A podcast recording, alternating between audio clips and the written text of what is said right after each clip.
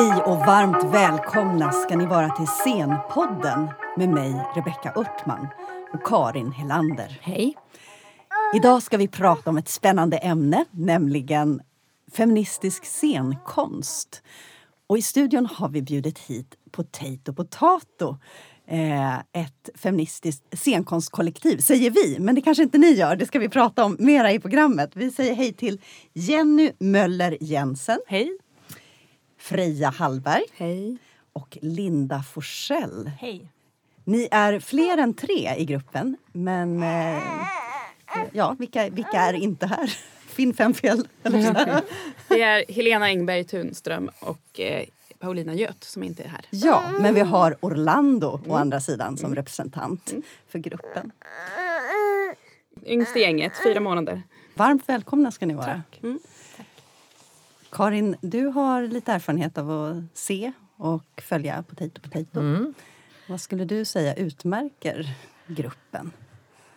Och det var en väldigt svår fråga. Jag tror inte jag har sett så mycket så jag kan säga vad som utmärker gruppen. Men jag har sett både när ni har eh, gjort eh, era egna versioner av sånt som redan finns, lite billigare eh, versionerna.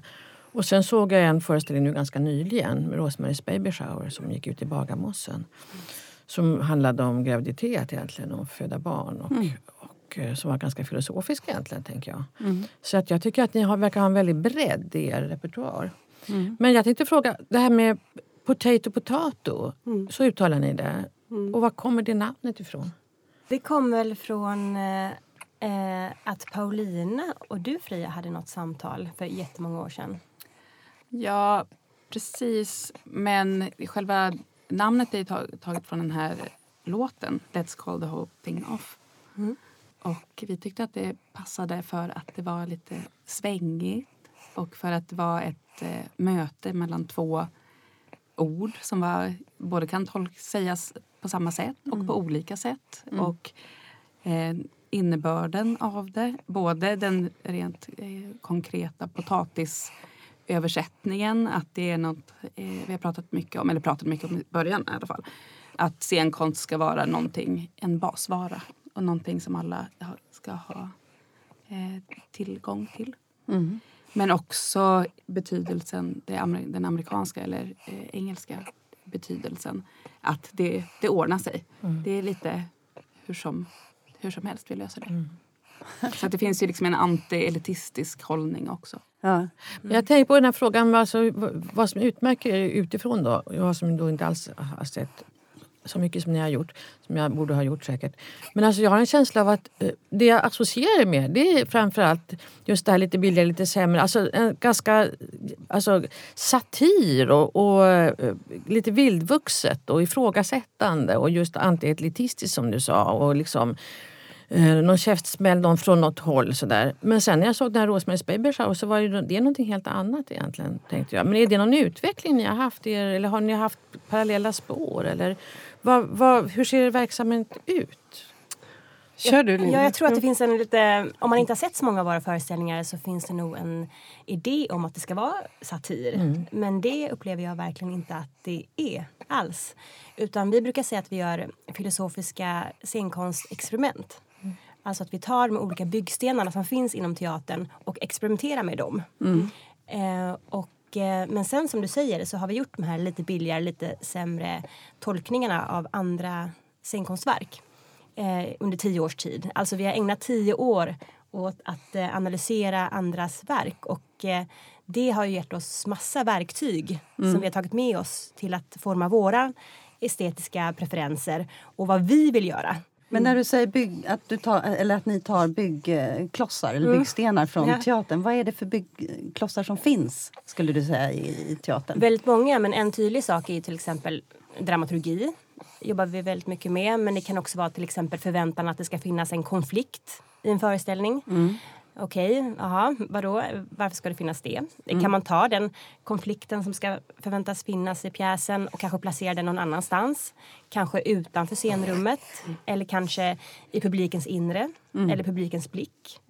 Ehm, ja, experimentera med de här olika Mm. Och rummet, tänker jag också, ljuset. Ni, ni alla så breda i eh, ko- ert konstnärskap. Ni jobbar ju gränsöverskridande i de här Men det handlar också väldigt mycket att det är också ganska olika från mm. produktion till produktion. Och det är väldigt roligt ofta när man mm. pratar med potatis potatis publik mm. vad de har sett. Mm. Att vi uppfattas så otroligt mm. olika. Och det är för att vi är väldigt intresserade av liksom, eh, processerna också. Eh, så att varje gång vi tar oss an en ny tematik så måste vi uppfinna en helt egen process. Liksom, eh, beroende på dels vad det är för tema men också vilka som är med. Mm. Eftersom vi liksom, utgår ifrån de som är med väldigt mycket.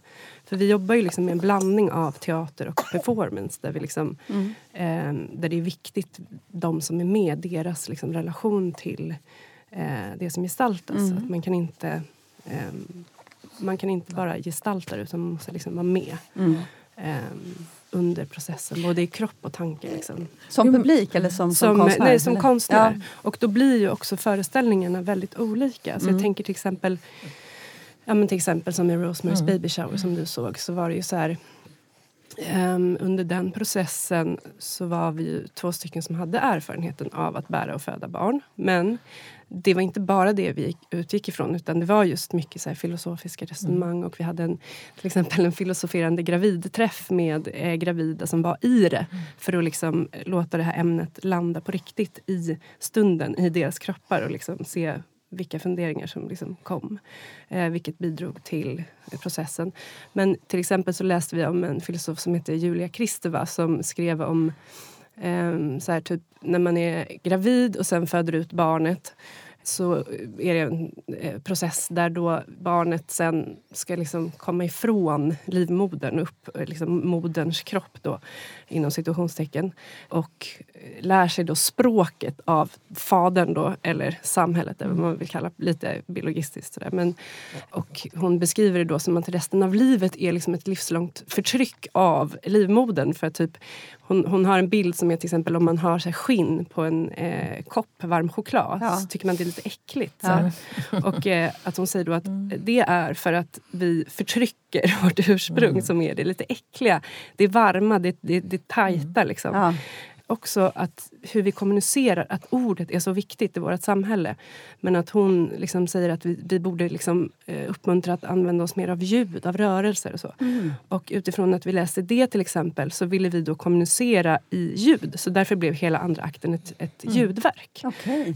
Um, och det hade vi inte kunnat liksom skriva ner ett manus tror jag. Utan det, det, måste uppstå och att vi måste, när det händer, testa det på golvet direkt. Mm. Liksom. Är ni inspirerade av an andra scenkonstkollektiv som har jobbat på liknande sätt eller känner ni att ni uppfinner hjulet? Men vi får ju den frågan ibland. Så här, ja, men det går så bra för er. Har ni några mentorer? Mm. Eller sådär. Men mm. det har vi ju inte. Det man kan säga är ju att vi samarbetar mycket med kanske lite yngre grupper som vi bjuder in till vår teater mm. för att ha residens och så. Och mm. de inspirerar oss tycker jag mycket. Mm, roligt. Eh, men så såklart så går vi ju och ser jättemycket mm. scenkonst. Mm. Det ingår verkligen i vårt jobb, mm. tänker jag. Och annan konst också. Eh, men jag tror inte vi har någon specifik, eller? Jag tycker vi inspireras hela tiden. Ja. Alltså jag tänker när vi jobbar med Historia A till exempel där vi ju då eh, gestaltade massa tusentals kvinnor från historien. Mm. Alltså bara läsa om dem gör ju mm. att så här, kan man leva så, kan man göra så? Typ. Mm. Eller, mm. alltså, det vi träffar på i våra processer eller personer vi jobbar med. och så. Men ja. det har liksom inget så här, mm. det här är... Men det är också de... inläst tänker jag. Alltså, jag det var det som slog mig när jag såg Rosmarie då. Därför, att ni hade så uppenbarligen läst ganska mycket teori och liksom filosofi. Just, mm. att det var en sån tydlig inspirationskälla för det som ni gjorde på golvet, mm. själva mm. produktionen. Så då blir jag nyfiken på just det. Jobbar ni alltid så också teoretiskt? För sen, jag kommer ihåg någon scenkonstbiennal, om det var i Gävle eller det kan ha varit för rätt många år sedan, när ni gjorde eh, mycket billigare, mycket sämre Ingvar och sånt här. Och ni mm. gjorde nästan hela, ja, flera tror jag, biennalföreställningar. Mm. Mycket billigare, mycket sämre. Som ju var liksom Alla, jag, roligt. Ja, precis. Det var ju jättekul. Men det var liksom något helt annat. Ja. Författare är ju ofta väldigt överens om att det är läsandet som skapar en författare. Mm. Och det är inte li riktigt lika utbränt. Eh, bränt. Mm. det är inte lika utbrett i scenkonstsammanhang. Men för oss är det verkligen som Linda säger att det är, vi ser väldigt, väldigt mycket. Och inspiration kommer ibland från någonting som vi tycker är väldigt bra. Som jag tänker till exempel Fix och Foxy, en eh, eh, grupp som inspirerar mig väldigt mycket som finns i Köpenhamn.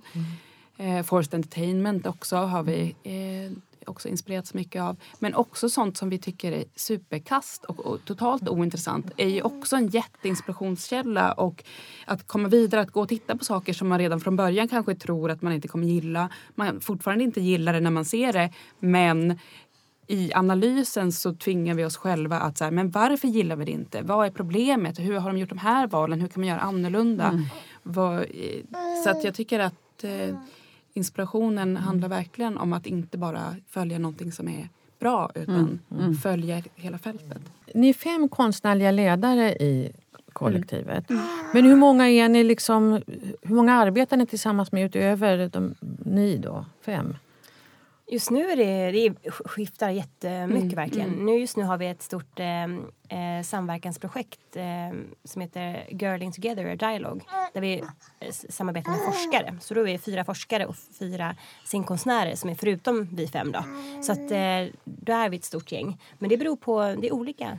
Eh, beroende på vilka projekt som är igång. Och vad gör liksom. forskarna? Frågar den här forskaren nyfiken? eh, jo men, men det, jag kom faktiskt att tänka på det när Freja berättade om att vi går och ser så mycket och förhåller oss till resten av branschen. För vi startade, vi har ju många koncept och projekt. Mm. Eh, du nämnde ett, lite billigare, mm. lite sämre. Det är ett av dem. Eh, men vi har också ett som heter I den bästa av tjejvärldar som vi startade 2013, 2014. Eh, och just det var en reaktion på att det gjordes väldigt, väldigt många föreställningar om maskulinitet i Sverige just då. Och då började vi fundera, jaha okej okay, intressant men varför är det ingen som pratar om femininitet och vad är ens det? Eh, och så började vi nysta i det här och eh, vi ville väl på något sätt skapa en, någon framtidens feminism på något vis som inte tar avstamp i ekonomisk vinning eller eh, individuell framgång eller makt. Vi vill ifrågasätta eh, normer inom feminismen kan man säga. Mm. Men i det, här i det här arbetet så så um, kom vi i kontakt med eh, en historiker som heter Bodil Formark som är koordinator för eh, Flickforsk, Nordic. Network for Girl Studies mm. eh, som har sin hemvist eh, på Umeå universitet. Eh, så de har vi, Flickforsk har vi samarbetat med i många år. Och förra året skedde en fördjupning i det projektet just med det här Girling Together-projektet. Mm. Ehm, som är ett projekt där vi skapar ett ett rum kan man säga för kritisk eh, analys och diskussion kring femininitet. Mm -hmm. eh, och också ett rum där scenkonstnärer och eh, forskare, flickforskare eh, utbyter kunskap och erfarenhet eh, kring det ämnet. Mm. Hur, hur, går det till praktiskt eh, om man har ett sånt rum? Ja, vi gör, det är väldigt många olika saker. Men en sak vi gör är till exempel att läsa forskarnas avhandlingar och sen gestalta dem det är det som Potato Potato har arbetat med i tio år. Om man ska gå till kärnan vad vi gör mm. så är det ju att ta researchmaterial. Mm. Alltså eh, kanske forskningstexter, artiklar, bilder, kan vara vad som helst och transformera det till gestaltning, fysisk gestaltning i rummet. Mm. Alltså till blickar, relationer, eh, attityder, koreografier, topografier. Eh, så det är någonting som vi har gjort väldigt länge men just nu är det på temat då eh, mm. femininitet i det här projektet. Så man tänker en, en eh, vanlig teateruppsättning när man har ett manus ja. och man lär sig sina repliker och man mm. går in i teaterrummet och spelar upp för varandra. Det, det är inte riktigt så ni nej, arbetar nej, då? Verkligen inte. Ni, ni, har väldigt sällan ett manus från början? Jag har aldrig ett manus. Aldrig, aldrig ett manus. Det var, ja, en, det, det var en enda konstnärlig regel. Vi jobbar aldrig med ett manus från början teaterspråket har så mycket strukturer och vi vill ju luckra upp det och eh, ta det vidare. Mm. Och därför finns det, apropå att samarbeta med forskare, mm. eh, så eh, sker det ju en begreppsutveckling och ett utbyte av begrepp och eh, ny förståelse av begrepp och teorier mm. som eh, också är ett syfte med det här projektet att vi ska mm. göra. Men då tänker jag, när man läser mig på hemsidan så, så presenterar ni er som ett feministiskt experimentellt scenkonstkollektiv. Och så tänker jag att nu, ofta så pratar man inte bara om feminism, man pratar om feminismer liksom i plural. Mm. Det finns olika sorters feminismer. Och då undrar ju jag, hur definierar ni era, era feminismer? Vad är det utmärkande för hur ni tänker kring feminism? Alltså en sak som vi har pratat om nu, alltså anledningen till att vi gjorde den här föreställningen Fem musor, ah. var att eh, eh, att vi är liksom lite less på att typ bli beskrivna som ett feministiskt grupp. Vi formulerade det häromdagen, vad det är vi liksom menar med det. För det är, vi blir jättegärna lästa som eh, feministiska konstnärer om folk vill tillskriva oss det. Eh, eller våra verk. Liksom. Eh, det får man ju sätta i vilken kontext man vill. Liksom. Men vi är konstnärer. och sen utifrån ett patriarkalt system så kan man ju beskriva det vi gör som feministiskt då. Eh, om man vill att så här, de här temana som vi håller på med kring femininiteter eller... Alltså vi har ju liksom massa olika föreställningar. Vi har föreställningar om högerpopulism, vi har föreställningar om eh, flykt, alltså om bron som vi gjorde här om året som handlade om eh, Öresundsbron när de införde ID-kontroller och sånt. Så det är lite så här att ehm, vi är konstnärer. Det är, grund, det är liksom det som vi själva beskriver oss som. Eh, och sen hur våran konst är beror ju på vem som ser den, Och ni skulle inte den. kalla er för aktivister? Nej, Inga ister? inga ister. Nej, nej. Men experimentell? Ja, vi, vi, Och scenkonstkollektiv? Scenkonstkollektiv är vi och vi gör filosofiska scenkonstexperiment. Ja. Kan man säga. Ja. Mm. Men du pratade ändå om en feministisk dramaturgi. Mm, för feminin. Så, Ja, feminin sa Ja. du. Eh, En feminin dramaturgi. Och då kan man ju också undra vad, är, vad utmärker en feminin dramaturgi? Och vad, finns det också en feminin estetik? Eh, ja, eh, det kan det finnas. Alltså för just det fallet så i det här forskningsprojektet eller, i vårt projekt i den bästa av tjejvärldar så är det mer att man liksom eh, att jag som konstnär eller vi som konstnärer använder flickan som så här, tankefigur att tala ur som ett knep för att slippa förhålla sig till till exempel att vara lika bra som mannen eh, att eh, förhålla sig till en vuxen rationell värld. Att, eh, alltså ett sätt där jag kan tänka fritt. Och, eh, så det är det tror jag menar med. Och, det, och vilka eh, dramaturgier skapas ur det. Det är liksom det vi håller på och undersöker till exempel. Ehm, men sen så tycker jag också att vi är ganska bra på att så här, eh, sticka hål på normer som också finns inom feminismen.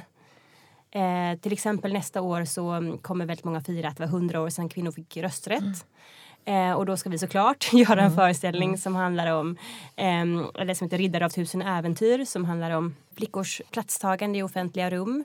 Där vi tar flickscoutsrörelsen som exempel, alltså en, en rörelse som eh, lades ner inom situationstecken eh, 1960 på grund av, alltså i jämställdhetens namn. Vilket är så extremt intressant tycker jag. Åh, det här är jätteroligt. Och då så gör vi det och det är ganska många som inte räknas in i den här feministiska kampen. Det är ganska många som inte räknas in i, i rösträttskampen till exempel. Men hur kommer Och ni på det- flickscoutsrörelsens... Eh, har ni själva varit, eh, varit aktiva? Nej, Scouter? Nej, nej, Nej. vad bra för det har vi inte pratat Det var Kolla på Nej, verkligen inte. höll jag säga. Nej, men jag har, nej, det har vi inte. Eh, jo, men det, det är, mm, jag läste en avhandling av eh, Bodil Formark, den här, eh, som är koordinator för Flickforsk. Eh, och jag var inte ett dugg intresserad, jag visste ingenting. Jag visste, visste inte ens att det hade funnits en flickscoutsrörelse i Sverige. Eh, globalt är den jättestor fortfarande, det ska Ja. sägas också. Eh, och då blev jag helt eh, golvad av att läsa den. Ja. Eh, för den handlar ju verkligen om det som vi i Petit Potato har jobbat så mycket med. Eh, till exempel att arbeta väldigt mycket med blick. Som, eh, som, ett, eh, som en del av ens arbete, feministiska ska säga, arbete, gestaltande arbete. Eh, scoutblicken, det går ut på att man ska eh, se sin omvärld, analysera sin omvärld och också liksom, äga sin omvärld Ja. och liksom, ta sig fram i en terräng. Ehm, så jag blev helt golvad av, av den, den avhandlingen. Och sen så såg jag bara, fy fasen vad den är aktuell idag. Ja. När eh, till exempel Moderaterna och Sverigedemokraterna har kidnappat frågan om flickors trygghet, eller otrygghet i det offentliga rummet.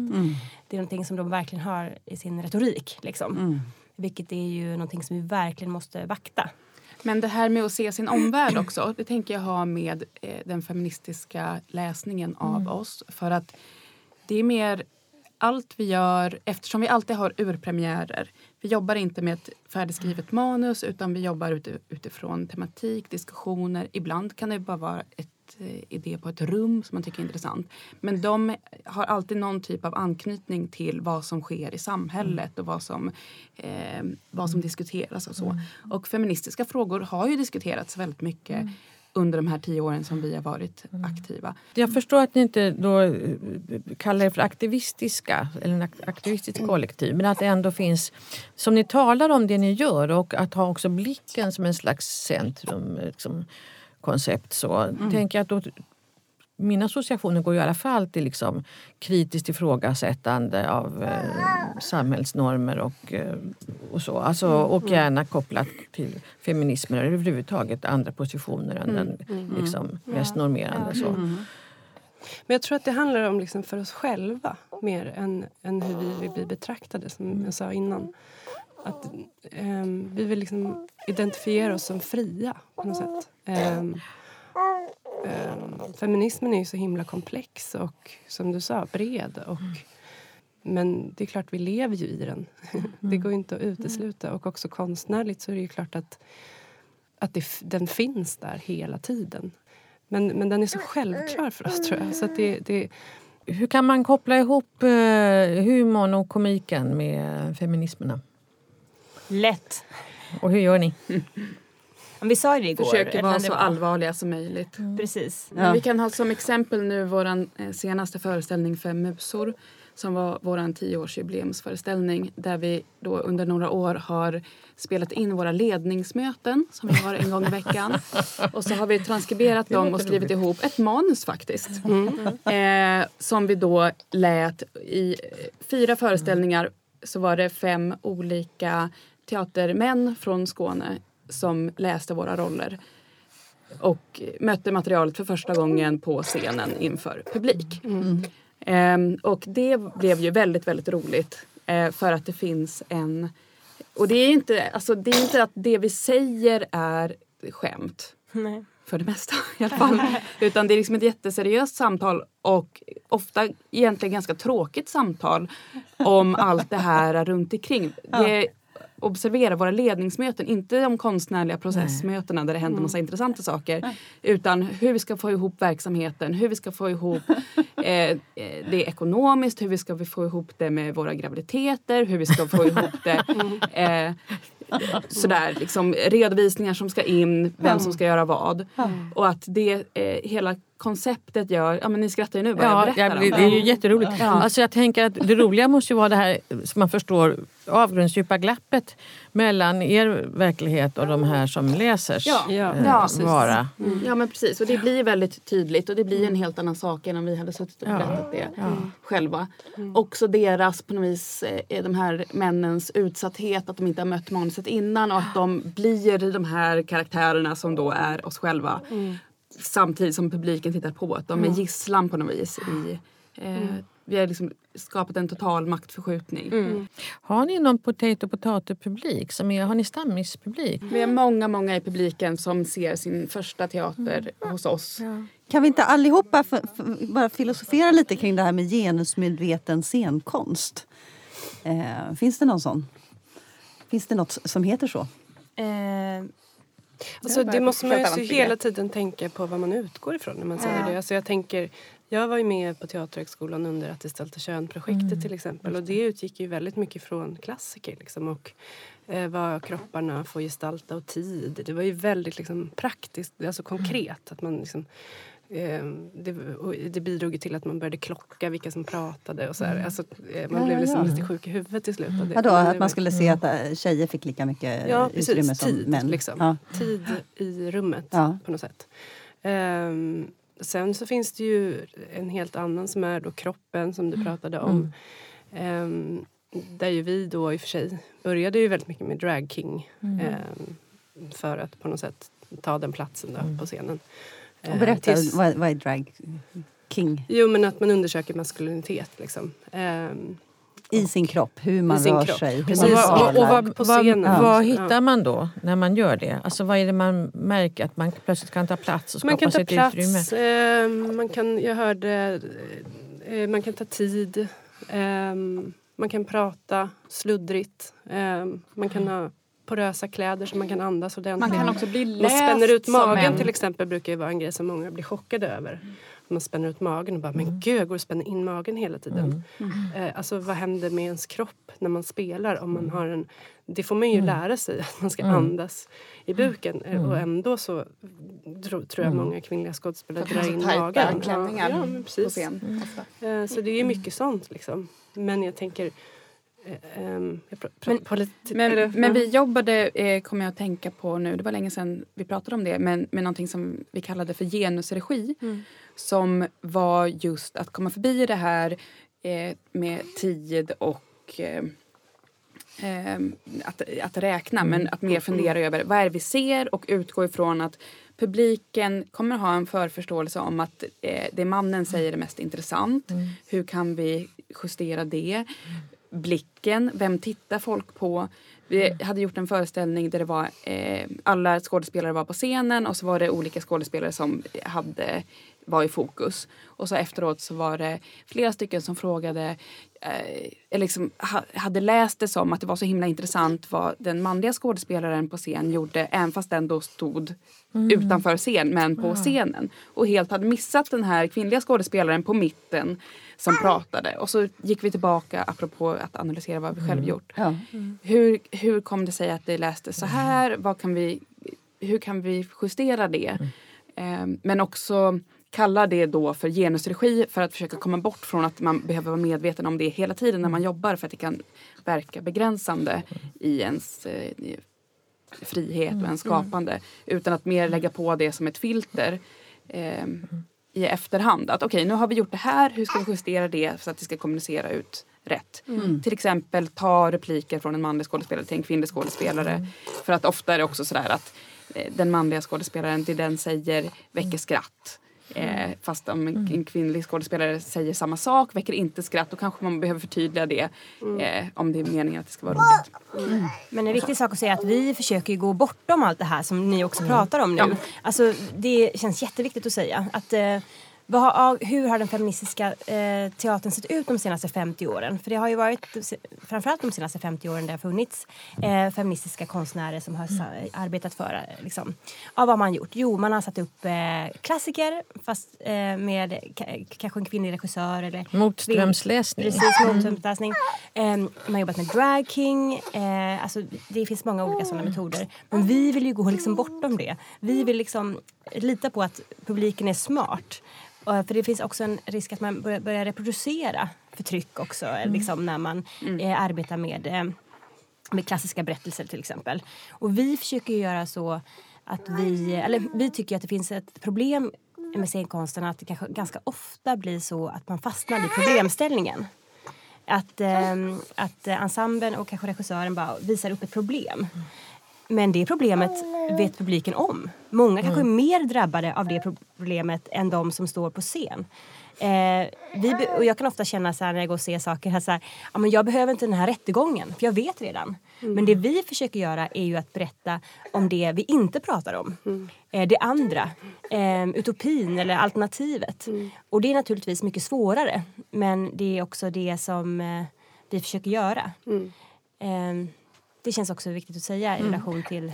Skulle man kunna dra det så? eh, eh, Jag tänkte på när vi hade Frida Röhl i scenpodden. Hon pratade också om att hon ville vidga liksom det politiska tänkandet till filosofiska och existentiella frågor. och så. Eh, Skulle, man, skulle ni också tala om att ni gör eh, produktioner som, som handlar om stora existentiella frågor? Ja, det tycker jag verkligen. Det tycker jag verkligen. Och framförallt att definiera vad är existentiellt. Apropå graviditet. Ehm, så var ju det någonting som vi upptäckte under den processen. Att det är hos oss själva. Att säga, men herregud, det här är ju liksom en existentiell eh, föreställning vi ska göra. Det är inte en, en grotesk kroppslig. Liksom. Och fundera över vad alltid Och det- aktuell innebär. Ja, visst. Vi, vad är det som, eh, som räknas som det? Men också typ så här, ja, men typ när man gör pjäser om flickor. Var inte det allmänmänskligt? Eller så här, eller det var någon workshop vi hade där det var någon som sa så här. Ja, men jag försökte vara lite så här genustänk och gav att killarna också skulle läsa en bok med en tjej i huvudrollen. Och man bara wow!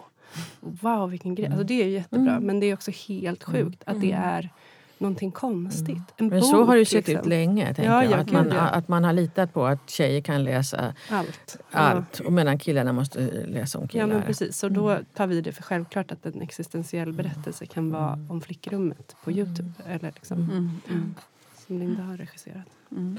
Sen tänker jag att det kanske också är så idag att man... Alltså det, även när man arbetar med vissa existentiella frågor som till exempel då graviditet eller nya liv och så att man, man kommer inte ifrån att sätta i någon slags samhällskontext eller politiskt. Om man tänker politiskt i bred bemärkelse kontext. Liksom Man föds till en värld som ser ut på ett sätt. Ja, men precis. Tack Potato Potato för att ni kom till Scenpodden. Och tack Karin. Tack, det var väldigt spännande att höra er. Tack. Ni möter oss igen om ett par veckor. Då med ett nytt ämne och med en ny spännande gäst. Missa inte det.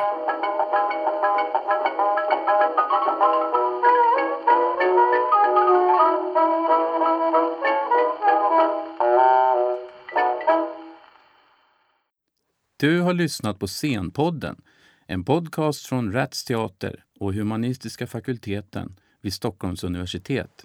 Podden spelas in på Språkstudion och tekniker är Henrik Nordgren.